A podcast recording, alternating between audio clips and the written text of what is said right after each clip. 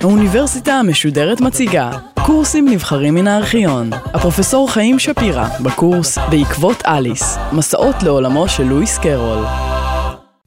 ברטרן ראסל אמר פעם שההנאה הגדולה ביותר, התרוממות הרוח, תחושת ההתעלות, נמצאות במתמטיקה כפי שהן נמצאות בשירה. מתמטיקה ושירה, באותו משפט. כמו כן הוא מוסיף שהמתמטיקה, כשמסתכלים עליה מהצידה הנכון, יש בה לא רק אמת, אלא גם כן יופי.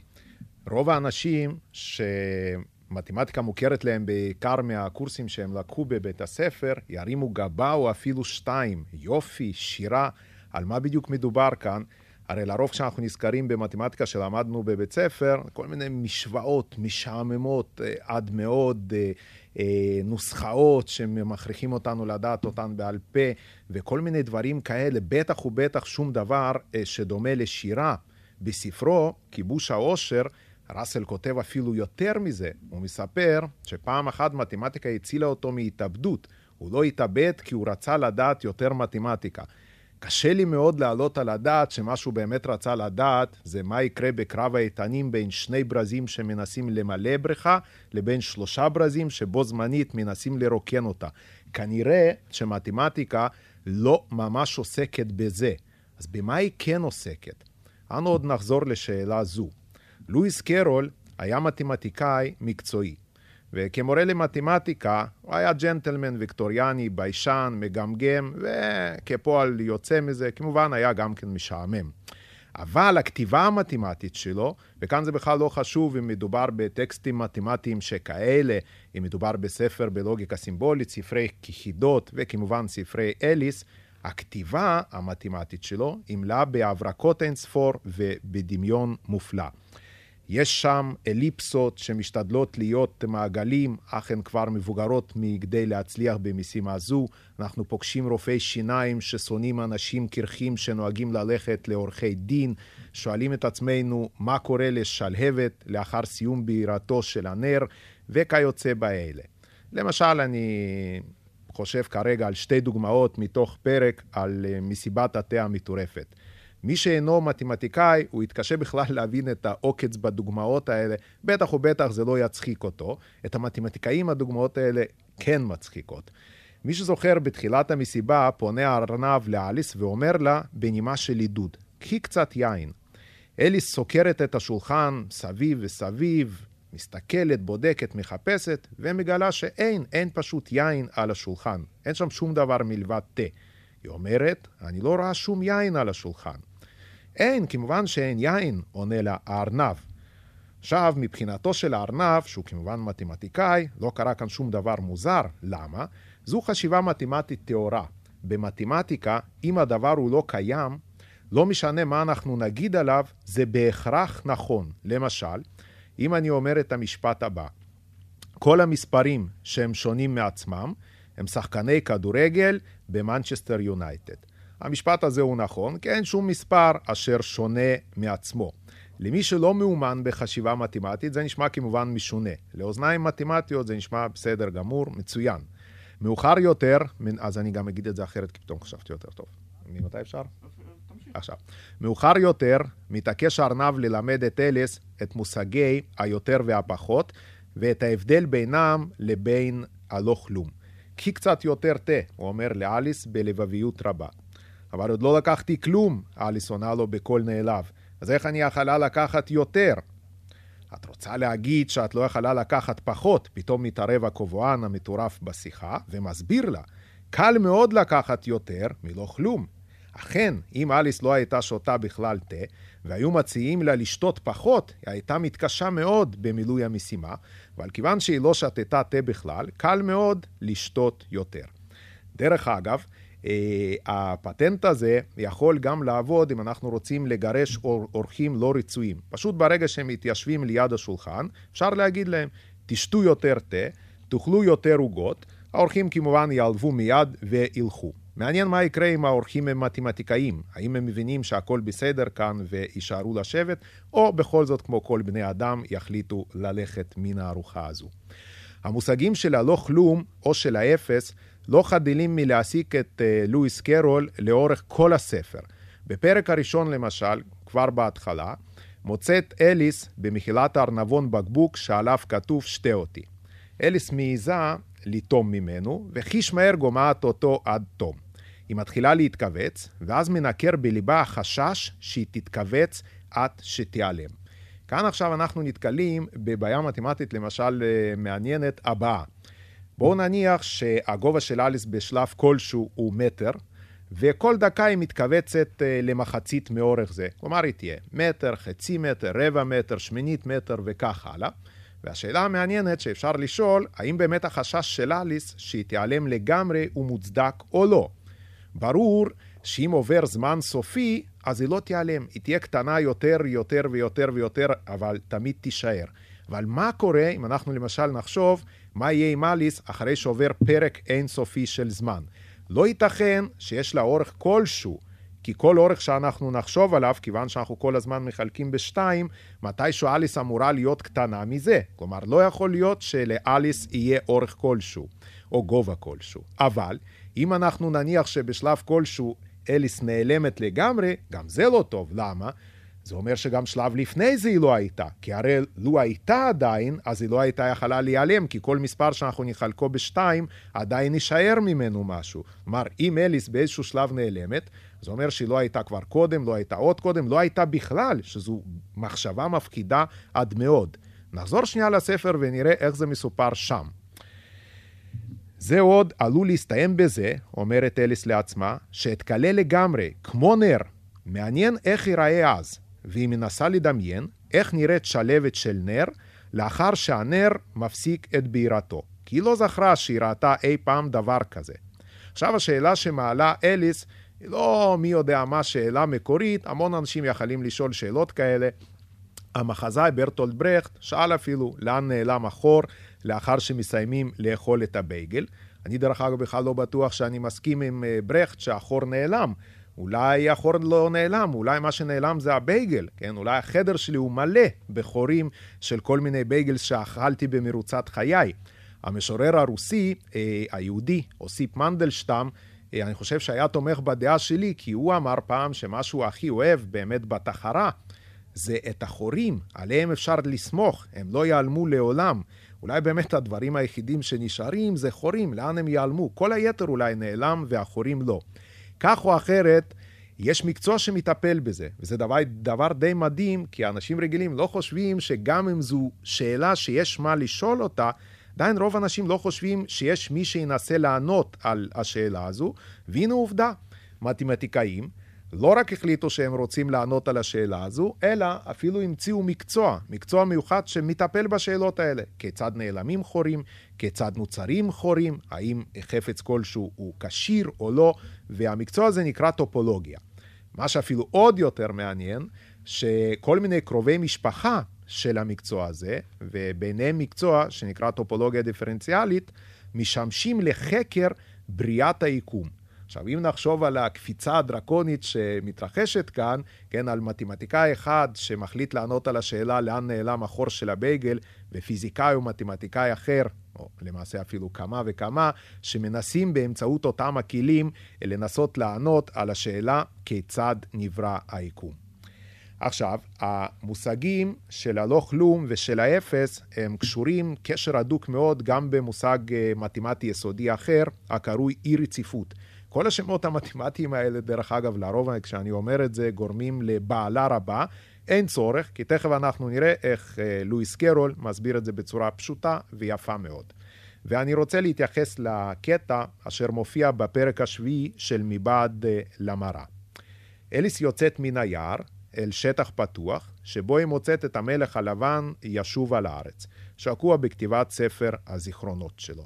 זיכרונות זה בכלל דבר מאוד מאוד חשוב בספרי אליס, אבל נחזור לזה בשיחות מאוחרות יותר. העיפי מבט בדרך, המלך אומר לה, והגידי לי מי הולך שם. אליס משיבה, ואין לי ברירה, אני לא יכול לתרגם את הקטע הזה כדי לשמור על המשמעות.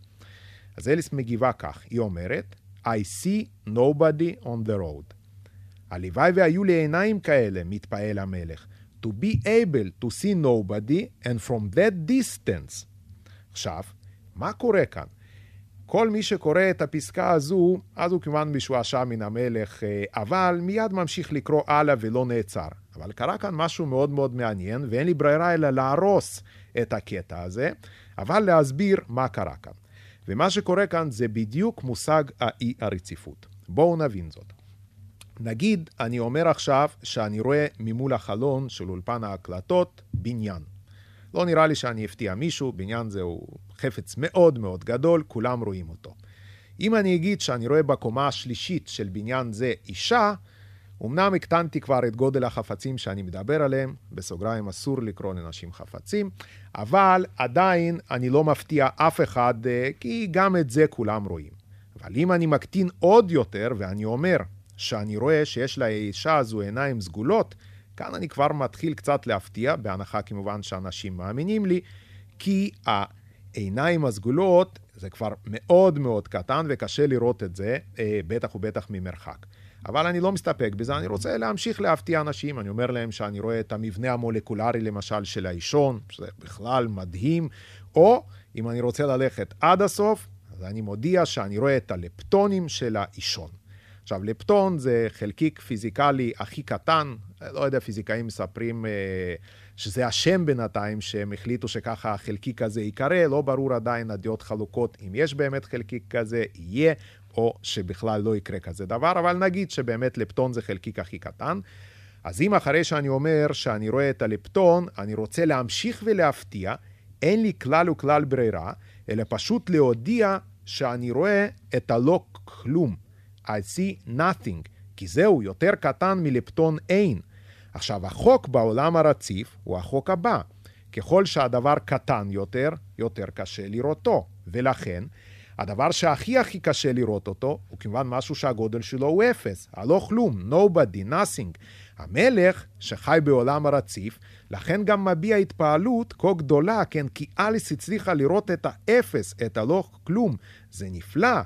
אנחנו כמובן מבינים שקרה כאן משהו אחר, מה שקרה כאן, שבנקודת האפס החוק פשוט נשבר. מתמטיקאים קוראים לזה אי רציפות בנקודת האפס, תמיד יש להם איזה משהו משעמם להגיד על איזה משהו נחמד, כיוון גם מלמדים את הנושא הזה של אי רציפות, אי רציפות וכל הדברים האלה בצורה משעממת הרבה יותר ממה שזה מופיע אצל לואיס קארול. דרך אגב, הרבה מאוד חוקים נשברים כאשר אנחנו מנסים להפעיל אותם על הלא כלום או על האפס. אני למשל אתן שתי דוגמאות. הדוגמה הראשונה שאני חושב עליה קשורה בכלל בנושא החרוזים. תארו לעצמכם שהמלכה האדומה מחליטה להכריז על תחרות. תחרות המצאת החרוזים למילה קווין. ובאים כל מיני גיבורי הספרים ומציעים כל אחד את החרוז שלו למילה קווין. נגיד אמפטי דמפטי יכול לבוא ולהגיד שהחרוז שהוא חושב עליו למילה קווין הוא המילה ווין, וכאן הוא אומר בכלל, גם המצאתי חרוז מדהים, וגם בתוך המילה שאני אומר כבר ברור ווין, ניצחון, אני חייב לנצח, הוא בטוח בניצחונו. תארו לעצמכם שמישהו בא ומציע את המילה קווין. עכשיו, אי אפשר להתחרות בזה, כי המילה קווין זה החרוז המושלם למילה קווין. אבל אף אחד לא יתפלא, לא יתפעל מזה בכלל, אם המשוררים יתחילו לכתוב חרוזים בצורה כזו, כן, שכל מילה פשוט תתחרז עם עצמה, לא נראה לי שזה בכלל ייחשב שירה, אם כי האמת אי אפשר לדעת היום. מה קרה כאן? ההבדל בין המילה קווין למילה קווין הוא הבדל של אפס. אין הבדל. שוב פעם, חוק נשבר. החוק בגדול אומר שהחרוז יפה יותר ככל ששני המילים דומות יותר זו לזו. אבל כאשר אין שום הבדל, או ההבדל הוא אפס, אז כבר זה לא גורם לנו לשום התפעלות כמובן. הדוגמה האחרת שאני רוצה לתת על האפס היא דוגמה מפורסמת, אם כי אני אתן אותה קצת בתחפושת, אה, וזה שוב פעם איזשהו חוק שנשבר ברגע שמדברים על אפס.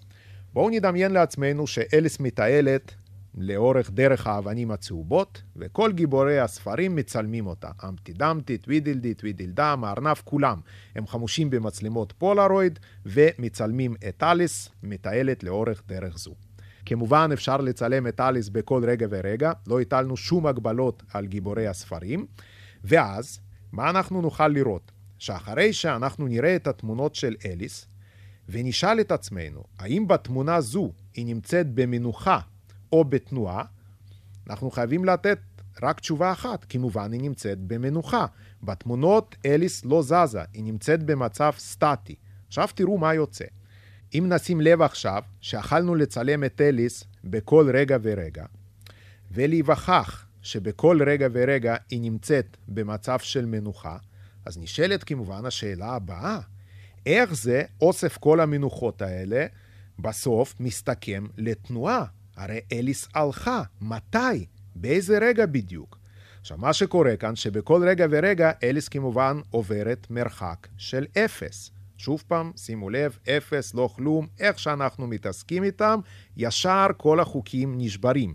עכשיו, לימדו אותנו בבית ספר, בכיתה ב' או ג', שסכום אפסים, לא משנה כמה אפסים אנחנו נחבר, חייב להיות אפס. אין מישהו, גם מי שלא אהב מתמטיקה בכלל, שלא מכיר חוק זה.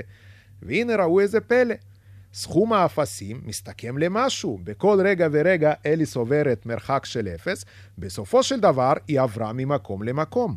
מה שעשיתי כאן כמובן, זה הבאתי סתם גרסה שלי לפרדוקס השלישי של זנון, שזה פרדוקס החץ והקשת. אצלו זה הרבה יותר קצר, פשוט הוא אומר שהחץ בכל רגע ורגע של מעופו נמצא במנוחה. קל להיווכח גם בזה, כמובן, אם למשל נצא לשדה, נראה חץ, נסריט את זה במצלמת וידאו ונשב בביתנו ונסתכל על זה.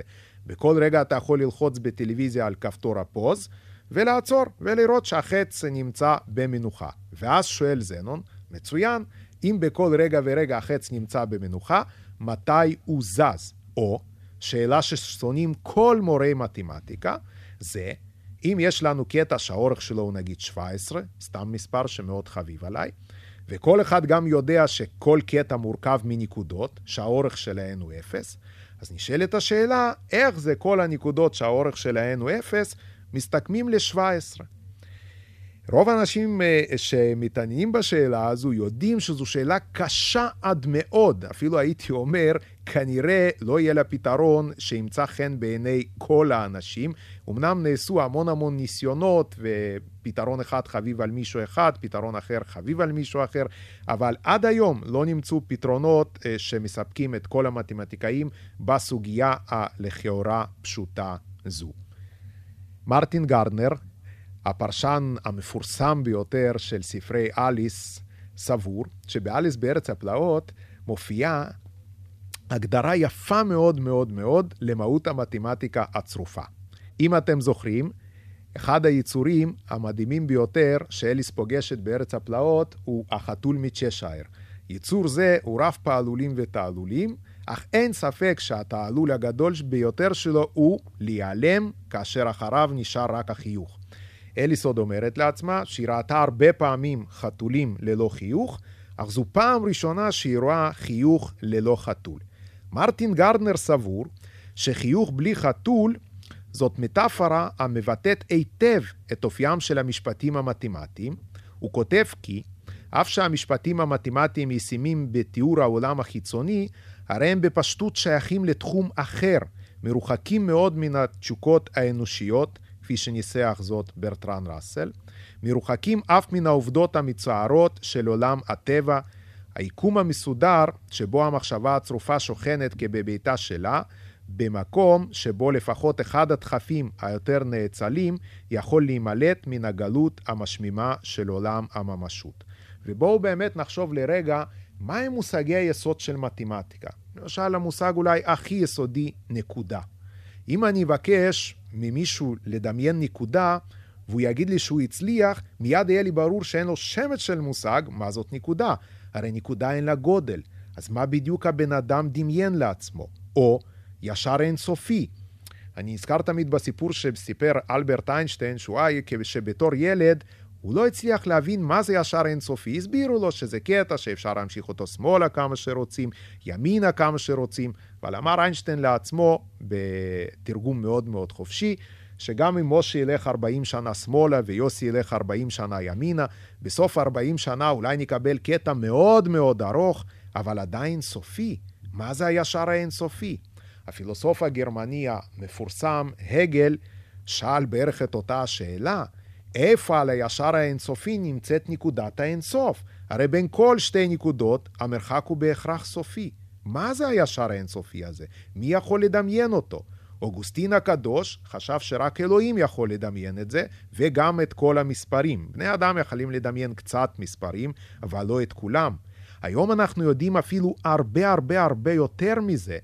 של רוב המספרים, אנחנו אפילו בחיים לא נוכל לדבר עליהם, או לתת להם שמות. ממש, יש לנו, אם אנחנו נגיד נחשוב על קטע של כל המספרים בין 0 ל-1, שיש שם המון מספרים, חצי, שליש, פאי חלקי 17 וכולי וכולי, יש לנו ממש יער של מספרים שאפילו שמות לרובם אין שם.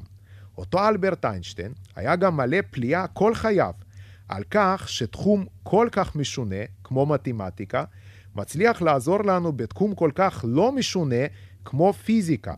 והוא אפילו כתב, ככל שחוקי המתמטיקה נוגעים למציאות, אין ספק שאין בהם שום ודאות, לא ממש מתמטיקה. וככל שיש בהם ודאות, כלומר לפנינו מתמטיקה, אין ספק שהיא כלל לא עוסקת במציאות.